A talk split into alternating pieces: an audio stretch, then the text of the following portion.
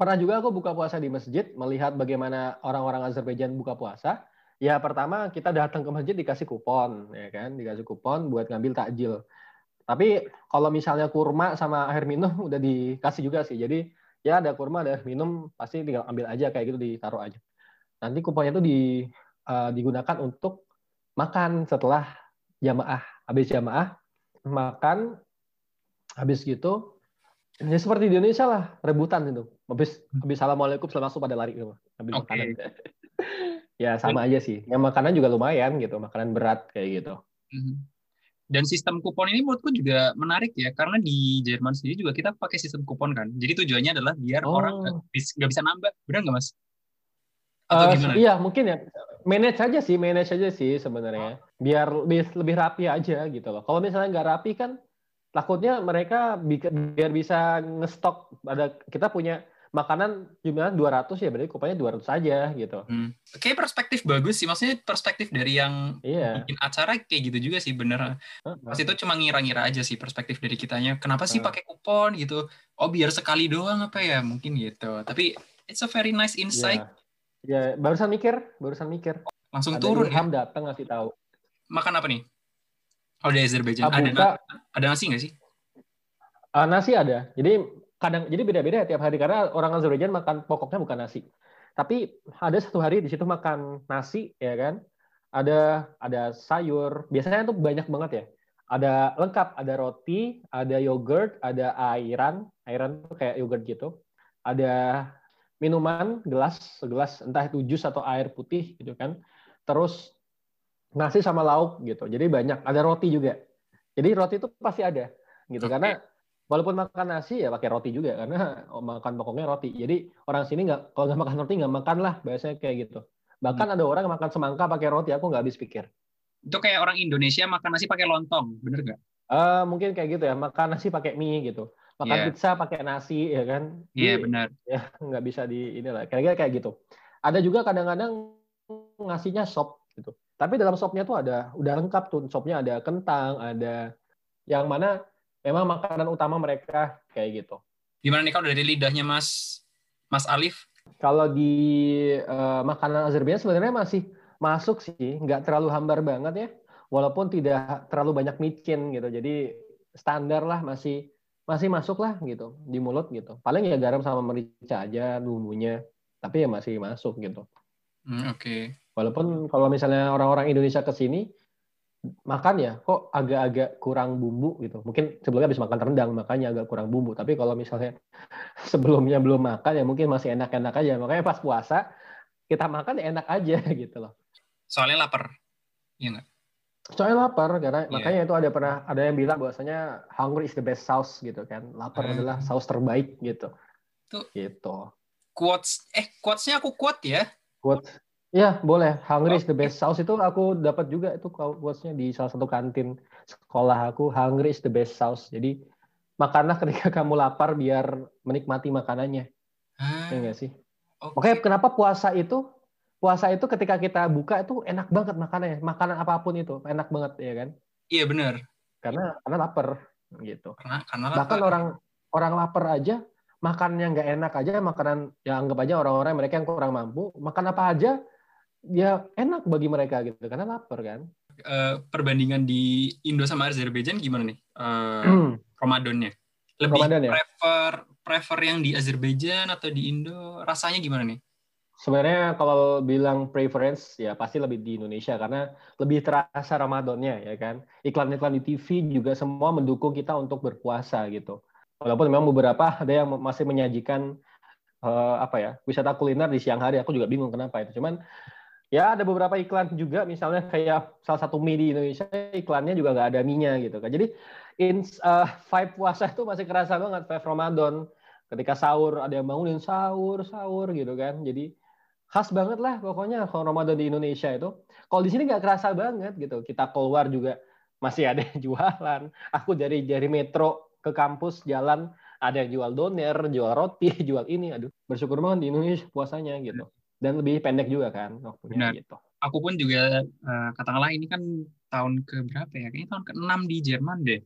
Uh, uh, jadi selama tinggal nikahin orang Jerman aja sih. Tidak ada niatan ya. Banyak loh orang Jerman Turki yang muslim-muslim gitu ya enggak sih? Iya sih, cuma Iya sih. Cuma iya susah. Cuma mungkin lebih suka yang lokal, lokal-lokal oh, aja. Cinta produk lokal, oke. Okay. Benar, kan cintai produk Indonesia. Cuma memang iya sih benar. Uh, dengan kita melihat bahwa Ramadan di luar tuh ternyata terasa lebih berat. Jadi kayak kita lebih bisa menghargai ketika kita bisa ah, berpuasa di Indonesia. Itu gitu. benar, itu benar banget sih. Kalau aku bilang eh, yang misalnya aku bisa dapatkan di sini, teman-teman yang di Indonesia sebenarnya perlu banyak-banyak bersyukur ya. Karena di situ sangat kita beribadah di Indonesia sangat mudah sekali gitu loh. Kita buper di mall aja, nggak usah bingung mau sholat di mana karena ada musola. Kalau di Azerbaijan, kita bubur di restoran bingung mereka menyediakan makanan buat berbuka tapi tidak menyediakan tempat sholat. Ya kan jadi susah gitu gitu loh. Benar sih. dan juga masih sangat sangat untuk beribadah di Indonesia sangat mendukung sekali. Benar. bersyukurlah teman-teman yang di Indonesia dan uh, berkesempatan untuk uh, apa ya ya merasakan nikmatnya beribadah lah kayak gitu. Masya gitu Allah. gitu Masya Allah. Ini aku mendengarkan kalimat-kalimat yang Insya Allah bijak sekali uh, dan semoga aduh, kita aduh, aduh. mengambil hikmahnya dari Mas Alif, kalau dari Mas Alif sendiri ada ada goals nggak? Uh, goals tertentu. Kalau what are your goals in this Ramadan? Ah, pastinya kalau setiap tahun aku targetkan ya Ramadan terawih nggak bolong, everyday at least baca Quran uh, satu juz, khatam Quran gitu kan walaupun memang hmm. karena aku dulu pernah merasakan kayak khatam Quran di Ramadan tuh walaupun memang belum sampai tahap di mana khatam Quran 2 sampai tiga kali orang-orang mungkin sudah banyak yang melakukan itu ya. Cuman level aku masih hatam Quran lah satu satu ini. Hmm. Karena di samping dengan banyak kesibukan juga aku lagi kuliah, ya kan. Walaupun memang ibadah nomor satu, ya masih tetap diusahakan lah seba, sebaik-baiknya untuk uh, goalsnya di Ramadan ini ya hatam Quran, terawih nggak bolong, pastinya puasa jangan bolong ya. Ya pastilah diusahakan ya, untuk tidak sepanas-panas apa pun, selama-lama apa pun ya puasa kalau kita niat nggak bakal bolong, yakin deh kalau kita udah niat banget ini wajib puasa ya kita nggak bakal merasa kelaparan gitu. Selama apa pun itu loh. Nggak bakal iya. merasa kelaparan nggak bakal makanya kenapa uh, diwajibkan untuk kita niat tuh sebelum sebelum sebelum harinya gitu. Bukan ketika sahur kita niat tapi di malam harinya. Ketika di malam hari ketika sahur kita niat. Karena mindset kita di esok hari udah bakal puasa nih. Jadi kita kita pun bolos uh, bolong sahur kita mindsetnya udah bakal niat puasa kayak Benar. gitu itu yang bakal bikin kita nggak lapar. Kalau dalam hadisnya disebutkan, oh, masya Allah. Masya Allah. In, in amal amal biniat gitu kan. Ini jadi setiap amal itu uh, di apa ya dengan niat gitu loh. In amal amal biniat gitu. Dilihat dari niatnya. Yang intinya tuh semua emang bergantung dari niatnya. Dilihat dari niatnya. Iya, bergantung kita niat punya niat berbuat baik aja sudah dapat pahala gitu kan. Semoga uh, goalsnya tercapai Mas Alif dalam Ramadan Amin. ini. Sama Amin. buat Mas Mahbub, Amin. tercapai juga ya kan. Amin. Dan buat semua listener juga. Amin, amin. Menentukan goalsnya, semoga goalsnya tercapai semuanya. Amin. Dari Mas Alif ini ada closing statement nggak nih Mas? Closing statement, sebenarnya udah banyak statement yang sudah aku berikan ya. yang jelas buat para kaum muslimin yang di seluruh dunia gitu kan. Uh, buatlah puasa Ramadan ini sebaik-baiknya puasa gitu loh Ya kan manfaatkan bulan Ramadan ini dengan sebaik-baiknya pokoknya. Karena inilah kesempatan kita untuk uh, menghapus dosa, untuk ber, bermunajat lebih banyak, beribadah lebih banyak gitu. Karena aku yakin banget ya, apalagi kaum milenial, kaum muda. Aku nggak bilang milenial, karena milenial itu lebih tua dari aku. Jadi, jadi kaum muda itu pasti banyak distraction, ya kan? Kuliah lah atau apalah, apalah, apalah di selain bulan Ramadan. Kalau Allah sudah memberikan 12 bulan kesibukan dan memberikan satu bulan aja khusus buat ibadah kita nggak manfaatkan dengan baik, mau kapan lagi gitu kan kita ibadah dengan baik kalau nggak di bulan Ramadan kan kayak gitu.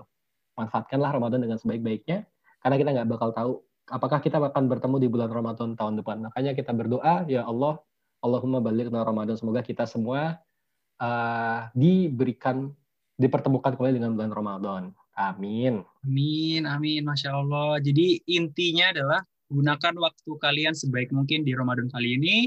Tentukan goals yeah. kalian, uh, fokus untuk melakukan Ramadan karena satu bulan dari 12 bulan nampaknya itu sebenarnya sedikit ya. Iya sih. Ya, kembali untuk memikirkan ibadah kita, lebih kembali memikirkan uh, amalan kita kepada Allah Subhanahu wa taala. Semoga Ramadan ini bisa menjadi Ramadan yang lebih baik, lebih baik dan lebih baik. Buat listeners dan buat semua teman-teman, marhaban Ramadan. Dari Mas Alif ada marhaban Ramadan versi Azerbaijan, Mas?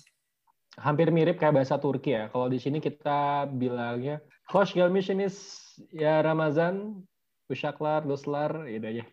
Masya Allah. Uh, thank you juga Mas Alif udah menyiap apa sparing the time uh, untuk waktunya. Ya. Yeah, dan sure. listeners untuk mendengarkan. Dan thank you juga buat listeners untuk mendengarkan podcast uh, podcast kita. Uh, penutupan, semoga sehat selalu dan wassalamualaikum warahmatullahi wabarakatuh.